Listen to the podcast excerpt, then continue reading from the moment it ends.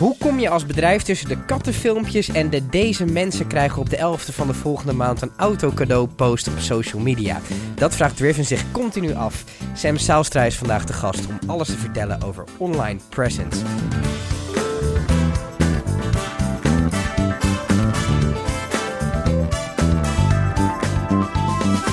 Uh, Sam, goed dat je er bent. Ja, uh, dankjewel. Kan je um, nou ja, een klein beetje uitleggen hoe jouw dagelijks leven eruit ziet, wat je doet daar en uh, dat soort zaken? Ja, um, ik heb Driven opgestart. Uh, Driven is een uh, online marketingbureau en wij helpen eigenlijk organisaties om het maximale uit het internet te halen. Ja. Dus het kan enerzijds zijn het beheren van je social media, mm -hmm. Uh, tot aan social media advertising, tot aan uh, de advertentie op Tinder voorbij te komen. Ja. Ik weet niet of je erop zit. Zijn er advertenties? Nee, ik heb al heel lang een vriendin, daar zit ik niet meer op. Ah, oké. Okay. zijn er advertenties op Tinder tegenwoordig? Ja, zeker. Dat uh, wordt ook een, een van de platformen waar, waar ik kan adverteren. Ja. tot aan het bouwen van websites. En eigenlijk alles wat tussen zit. Wat zijn nou de dingen die je eigenlijk standaard bij elk bedrijf doet, in, die, die bij jou komt? Wat zijn de, de must-haves op het gebied van online marketing? Uh, ja, wij beginnen eigenlijk altijd met een scan. Dus wij gaan kijken, oké, okay, um, waar bevindt de organisatie zich? Uh, wat is er wel goed geregeld op online gebied? Wat kan er beter? Mm -hmm. uh, en eigenlijk op basis daarvan gaan we samen met ondernemer of marketingdirecteur of hangt vanaf wie er zit. Gaan we kijken, ja, wat heb jij nou echt online nodig en waar kunnen wij daaraan bijdragen? Wat doen, wat doen heel veel mensen verkeerd online, op social media vooral dan? Ehm, dat is heel erg divers. hangt ook een beetje per branche af. Ja. Uh, wat je vaak ziet is dat uh, bedrijven een Facebook-post maken die ten eerste al niet klopt of veel te veel tekst heeft. En daarna op die mooie blauwe boost-knop uh, drukt. Waardoor ze zomaar voor 100 euro de advertentie de wereld inschieten zonder echt rekening te houden met... Hey, sluit deze advertentie weer aan bij de doelgroep die ik heb. Is dat lastig? Want ik, precies wat jij nu schetst, dat hoor ik best wel vaak bij kleine bedrijven. Ja. Die gooien dan een bepaald budget tegen Facebook aan.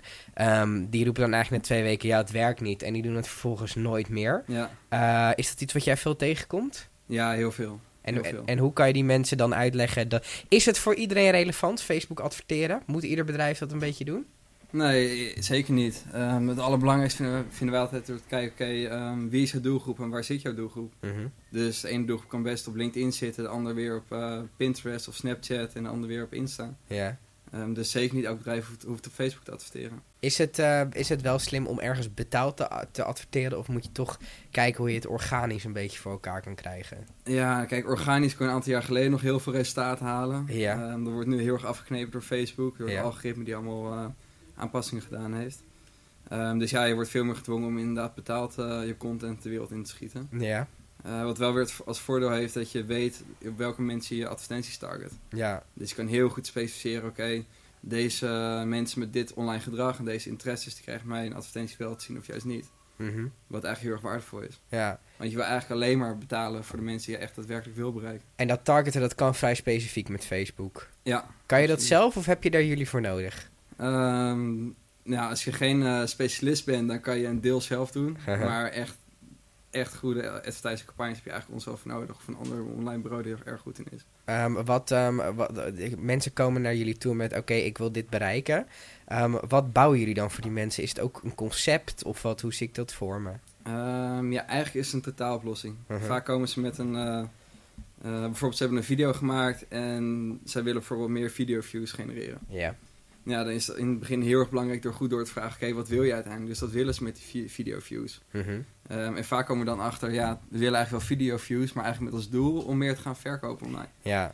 Dus ja, dan is eigenlijk het doel, oké, okay, we gaan veel meer verkopen en die video kan daar onderdeel van zijn. Maar hoeft niet per se... Hoeft niet uh, per se uh, het doel zelf te zijn. Nee. Ja, en wat doen jullie allemaal? Wat zijn de dingen die jullie aanbieden? Um, ja, eigenlijk uh, advertising op Facebook, Instagram, Snapchat, mm -hmm. platformen als Tinder, Happen. Ja. wij doen social media content. Dus bijvoorbeeld voor uh, Moët en Chandon maken wij alle social media posts. Ja. Um, een stuk webdesign, design van bannering Mhm. en een stukje development. Ja, oké. Best wel uitgebreid, breed spe spectrum van, Ja. eh, Ja. van zaken die jullie oppakken. Dus ja, Eh, we hebben een team met, met designers zitten, een team met mensen die content schrijven, een team met advertising specialisten. Eh, die werken eigenlijk allemaal samen tot eh, een bepaald doel te behalen. Werken jullie ook nog met klassieke media of is het echt alleen online gericht? Eh, we doen een heel klein beetje print, printmedia, maar eigenlijk bijna niet. En dat is alleen voor specifieke klanten die daar echt nog een Die doelgroep daar ja, hebben eten zitten. en vragen, vragen hebben, ja. Ja. Ja. Hoe goed is, is online ding, dingen, online content meetbaar? Ehm, heel goed eigenlijk. Uh, hangt wel een beetje af van wat je specifiek wilt meten. Mhm. Maar je kan het heel erg goed inrichten, zodat je eigenlijk precies weet... oké, deze campagnes presteren zo, deze campagnes presteren zo... en zijn nu op target om je doelstelling te halen. Hmm. Dus, Um, even, even terug naar Tinder. Uh, je mag me wel toch... jouw aandacht. Ja, dat heeft wel mijn aandacht. Nee, maar it, it, it, it, nogmaals, ik ben al 3,5 jaar van de markt. Dus ik weet ook helemaal niet meer hoe die app er, er nu uitziet. Ja. Maar je krijgt dan gewoon tussen het swipen door... krijg je advertenties te zien of zo. Ja. En die, die kan je dan ook swipen. Uh, nou, ik zit zelf ook niet op Tinder. Dus, dus je weet het zelf weet ook niet. Dat, uh, nee, um, ze kijken in, in, principe naar je gedrag, um, je online gedrag. En ja. daarna kunnen ze kijken, oké, dit, bij dit profiel past wel deze advertentie. Ja. Het heeft niet per se met je gedrag op Tinder te maken. Oké. Okay. Wat uh, maakt jouw werk zo leuk? Ik ben veel met mensen bezig. Ik ja. zit, uh, ben eigenlijk alleen maar bezig om een organisatie te laten groeien. Ja. Uh, ik ben zelf 2,5 jaar geleden gestart eigenlijk uh, samen met Wouter. Uh, we waren met z'n tweeën en in 2,5 jaar tijd zijn we nu met 18 man. Nice. Dus we zijn zonder investering, dus we zijn eigenlijk alleen maar bezig geweest om de organisatie te laten groeien. Ja. Uh, en ons product zijn eigenlijk de mensen die we hebben, dus we zijn continu bezig om onze mensen beter te maken. Ja. En dat is wel echt tof. Wat is jouw achtergrond? Um, topsporter. Ja. En eigenlijk al vanaf mijn 17 ook ondernemer. Oké. Okay. En was je al altijd tech-ondernemer of? Mm, nou ja, ja, een klein beetje. Ik ben begonnen met een aantal webshops. Ja. Um, wel zelf geleerd hoe ik die moest developen Mhm. en um, online marketing voor moest gaan doen. Ja. Toen stond nog heel erg in de kinderschoenen. Ja, want we, over welk jaar spreken we nu? Uh, ja, 2008 denk ik. Oké, ja, dat is wel, was wel even een andere wereld. Dat is zeker een andere wereld. Wel midden in de crisis begonnen dan daarmee. Ja, al heb je dan toen als begin de webshop, merkte je daar eigenlijk niet heel veel van. Nee, want die producten worden wel verkocht. Of... Ja, en je had heel weinig concurrentie online. Ja, dat is ook waar. Dus uh, we draaiden eigenlijk vanaf het begin al heel erg goed. Ja. Uh, we waren ook toen een van de weinige shops die dropshipping deden. Dus Ja. staat eigenlijk in dat je je spullen direct vanaf de groothandel naar de consument uh, laat versturen. Ja. Dus ja, ik verkocht scooteronderdelen, maar ik heb zelf bijna nooit Nog nooit een scooteronderdeel gezien. Dus ja, dat is een mooie constructie. Ja, um, je noemde judo even, Ja. want je doet topsport. Date, ja. Date, Ja. kan je daar iets meer over vertellen? Um, ja, ik ben als uh, klein jongetje van uh, zes of acht jaar op judo gezet door mijn ouders. Blijkbaar was het nodig. um, ja, en toen begon ik wat uh, de clubkampioenschap te winnen. En toen in Noord-Holland won ik wel eens wat. Ja. Toen ben ik naar een grotere club gegaan, de KNMU in Haarlem. Ja. Um, ja, en daar heb ik eigenlijk wel een volledig topsporttrek gevolgd. Vet. Eigenlijk met het doel om naar de Olympische Spelen te gaan. Ja. Um, dat is niet gelukt. Ja. Um, dus op een gegeven moment toen ik 23 was, moest ik een keuze gaan maken. Oké, okay, um, of ik ga door om wel tot het doel te komen. Nou, ik dacht, nou, die is vrij klein. Uh -huh. Dus ja, ik moest me ergens anders op gaan richten. En toen ben je een beetje. Die, toen ben je echt die ondernemerskant op gegaan. Ja, klopt. Is dat, is dat lastig om los te laten, zoiets?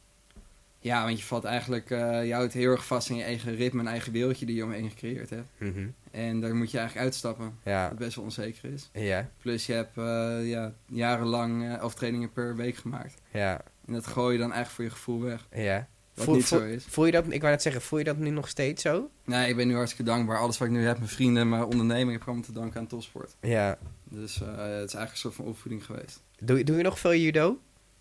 Uh, nou, ik heb een tijdje niet. Mm Mhm. -hmm. toen ben ik uh, begin vorig jaar weer begonnen. Ja. Uh, ben ik afgelopen jaar wel nog tweede van Nederland geworden. Dus je bent het nog wel ook echt professioneel even gaan proberen, of zeg maar. Ja, ik ben toen wel weer veel gaan trainen. Dus vier krachttrainingen en twee judo trainingen. Ja. En dat heeft wel eens vruchten afgeworpen. Ja, tweede is dus, een zeer net resultaat. Ja, absoluut. Dus daar ben ik wel echt trots op. Ja. Maar voor de rest, ja, ik train nu één keer in de week. En, is het, is het te combineren? Want je had toen dit bedrijf al. Ja. Hoe combineer je dat? Um, ja, hele lange dagen maken. dus uh, mijn werk gaat om zes uur en dan ga ik half zeven richting de zaak. Ja. Uh, werk je tot een uurtje of uh, zeven, acht. Ja. Ga ik naar Haarlem toe, een uurtje sporten. En dan je Eten, mandje in. slapen en dan weer door. Heel gedisciplineerd ja. strak ritme. Ja, eigenlijk wel, ja. ja. ja. Wa het waard op het moment dat je op het podium staat dan? Ja, dan wel. Maar, zeker. maar af en toe denk je ook wel eens van, wat ben ik in ja, godsnaam mee bezig? bezig ja. ja. ja. En uh, zeker omdat ik nu geen ambitie meer heb om naar de Spelen te gaan of andere grote dingen, dan uh, Dan maakt dat het wel lastiger. Ja, precies. Ja. Maar eh, ik vind het nu gewoon leuk om te trainen, trainen en nu ga ik alleen maar trainen als ik er zin in heb. Het eh, is een beetje een kut cliché, maar zitten er parallellen tussen ondernemen en topsport? Ehm, ja, ik vind, eh, ik vind dat ondernemen ook topsport is. Ja? Eigenlijk op, op alle vlakken. Ja. Ehm, te beginnen met je moet gewoon knijthard werken voor je onderneming. Komt in principe niet vanzelf. Uh-huh. Eh, je moet de juiste mensen om je heen verzamelen. Dus wat een topsporter doet door de juiste fysio, juiste krachttrainer, juiste techniektrainer. Je hebt juiste trainingsmaatjes. Dus dat is ondernemer eigenlijk ook. Mhm. Dus ik verzamel nu ook specialisten om me heen die mij helpen om samen als team zijnde te gaan presteren. Ja. Eh, hoe lang ben je nu bezig met Driven? 2,5 jaar. Oké, je noemt eh, ook best wel een... Ik hoorde Mouet even voorbij komen. Ja, Dat zijn best wel grote bedrijven. ja. Eh, hoe kom je binnen zo'n korte periode bij dat soort klanten? Ehm, nee, ik ben eerst als ZZP'er begonnen. Mhm. Toen heb ik zelf al best wat klanten binnengekregen. Toen Mhm. heb ik ongeveer 2,5 jaar geleden een klant van een ander online bureau overgenomen. Ja. Daar zat bijvoorbeeld een uh, Moet onder. Mhm. Eh, dat heb ik toen een tijd gerund. Daarna is het uiteindelijk Driven geworden. Ja. En vanuit daar zijn we eigenlijk hard doorgegroeid en hebben we veel andere mooie klanten kunnen aan- aansluiten. Wat, eh, waar voldoet een goede social media post aan? Ehm, hangt er weer per klant af. Mhm. Ehm, beetje, gelo- beetje algemeen. ja, Ehm, ja, het moet, moet eigenlijk heel erg volledig in lijn liggen met het, met het merk. Dus Mhm. zowel de tone of voice moet, eh, moet aansluiten, zowel de designs moeten aansluiten. En je advertising moet kloppen. Mhm. Wat bedoel je daarmee? Ehm, ja, kijk, als ik een, eh, bijvoorbeeld een Moet, eh, merk van Moet als, om als voorbeeld te nemen. Ehm, ja, die wil zich wat richten op de op millennials, die willen wat, eh ja, wat luxere segment. Mhm. Dus als ik dat ga adverteren onder 65-plussers, dan sluit mijn advertising niet aan bij mijn doelgroep. Ja, oké, dus je bedoelt vooral doelgroepdefinitie. Ja, klopt. Ja. klopt. Wat, ehm, wat is nou de beste post die je ooit hebt gemaakt, vind je? Oeh, dat is lastig. Er zijn natuurlijk heel veel geweest. Ja. Nee, ehm ah, ja, dat is lastig te zeggen. We hebben een aantal hele leuke posts voor Kentucky Fried Chicken gedaan. Ja. Wat maakt dat zo'n Eh, leuk merk om, om post voor te maken?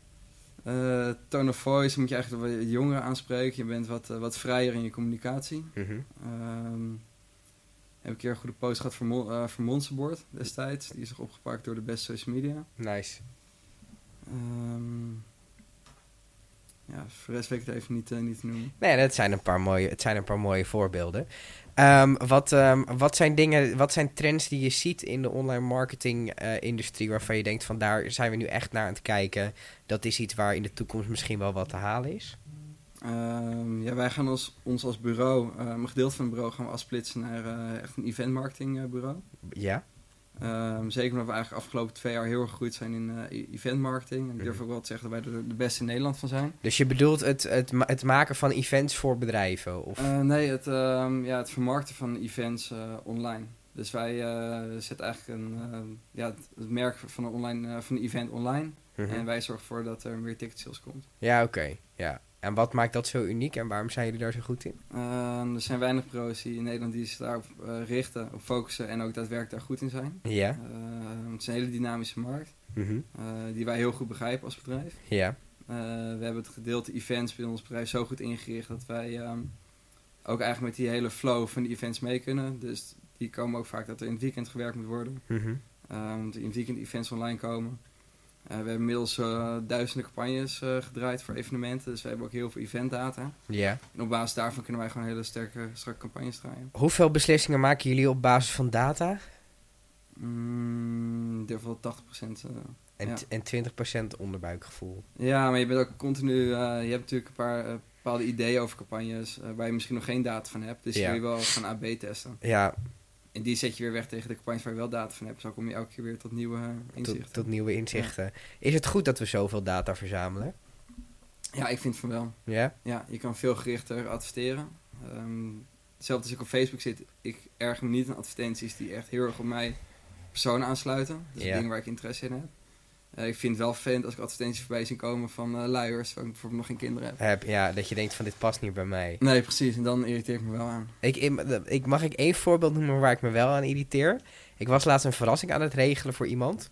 En ehm, daar had ik naar gezocht. En toen kreeg ik dat een aantal keer terug op mijn Facebook en Instagram feed. Ja. Ehm dat is Chloe, hè, want mijn vriendin die kijkt mee over mijn schouder soms. En die ziet, eh, die ziet zo'n advertentie voorbij komen. ja. Eh, zijn dat dingen waar oplossingen voor worden bedacht? Want er zijn wel een aantal van dit soort, soort voorbeelden. Ja, je hebt er eigenlijk wel één hele goede oplossing voor. En dat is eigenlijk dat je vriendin nooit van je, van, je, van je social media moet geven. Ja, Nee, ehm, ja, nee, als we online marketeers houden wel rekening mee. Je hebt een eh, bepaalde frequency cap, heet dat. Mhm. Dus eh, hoe vaak je een bepaalde advertentie in een bepaalde tijd aan dezelfde persoon wordt, eh, wordt weergegeven. ja, die moet je gewoon heel erg in de gaten houden. ja. Dus het heeft geen zin wanneer jij naar een bepaald product gekeken, hebt gekeken... om die dan daarna nog tien keer aan jou te laten zien. Want één of twee keer is Dat genoeg. zou ook al voldoende zijn, ja. Ja, Hetzelfde geldt wat je ook vaak ziet... is dat je door een heel proces op een website heen bent gegaan. Je Ja. hebt je product aangekocht. ja. En je krijgt daarna alsnog de advertentie zien van het, van het product. dat slaat nergens op. Nee, Nee, en dat kost ook advertentie te goed waar je niks aan gaat hebben. precies. Ja. precies.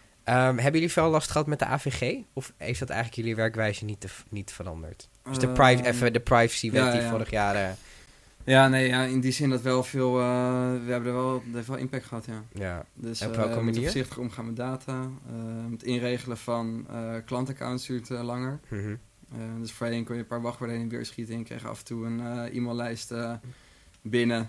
waarvan je niet weet hoe die eh, verkregen is. Ja, en dat, dat, kan is veel strenger en dat kost gewoon meer tijd. Ja. Eh, vooral klanten die, eh, vooral in het geval van events, die willen vaak snel, eh, snel zaken doen, snel online. Mhm. Ehm, daar duurt het gewoon langer. Ja.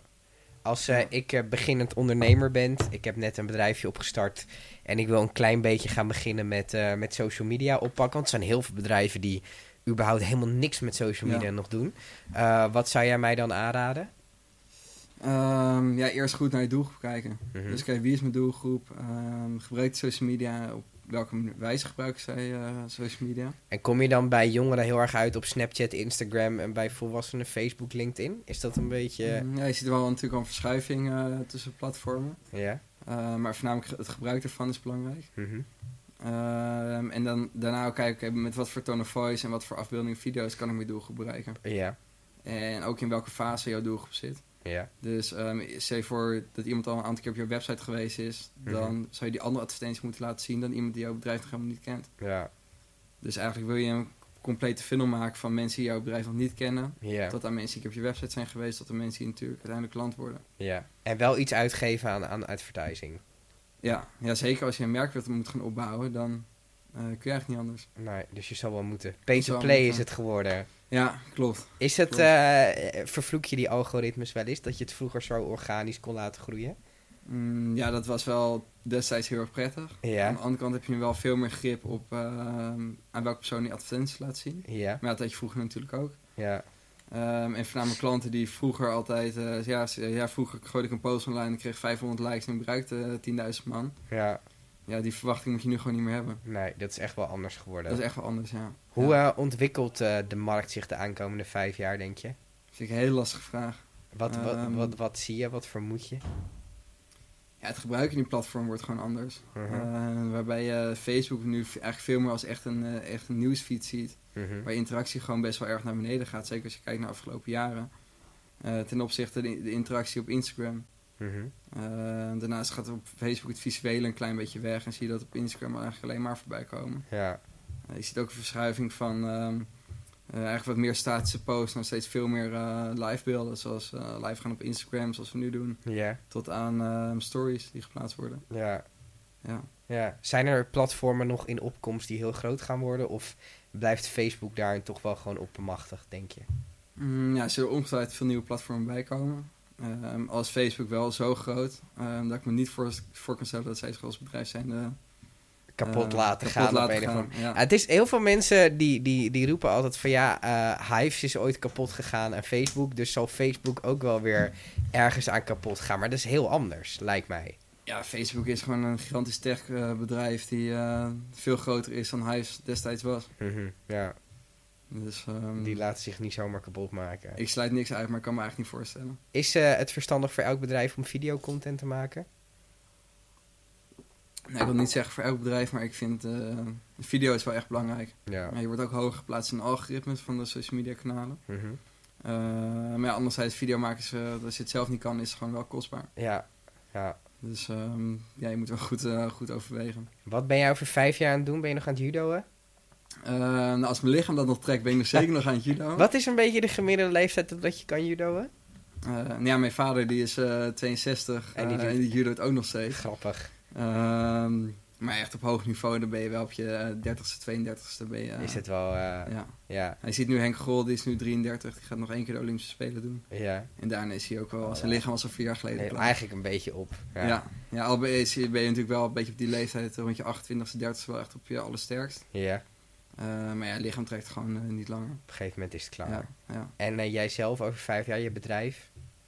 Um, ja, ik denk als, zeker als we zo doorgroeien als nu groeien, dan zijn we een heel groot online bureau. Ja. Ehm, daarnaast wil ik gewoon het beste event marketingbureau van Nederland worden. Ja. En daarna internationaal. Toch iets specificeren ook en daarna internationaal. Ja, klopt. Nice man, dankjewel voor het leuke gesprek. Ja, thanks.